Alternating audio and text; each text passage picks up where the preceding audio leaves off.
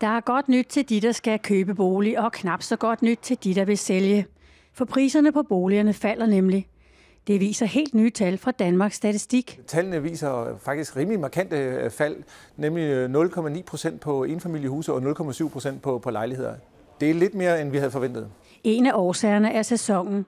Vi venter alle sammen på foråret. En anden årsag er, at priserne er kommet højt op, ikke mindst på lejlighederne.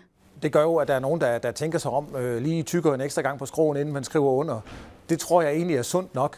Øh, men altså, hvor alting er, så, så er strukturen i, i dansk økonomi lige nu for, at boligpriserne skal, skal stige, og det skal nok øh, komme sig. Så det, det er fint nok, at det lige tager en, en puster.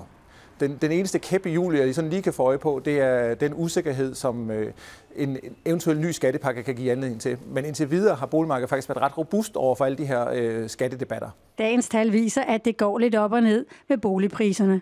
Men hvad er Mikkel Høges bedste råd?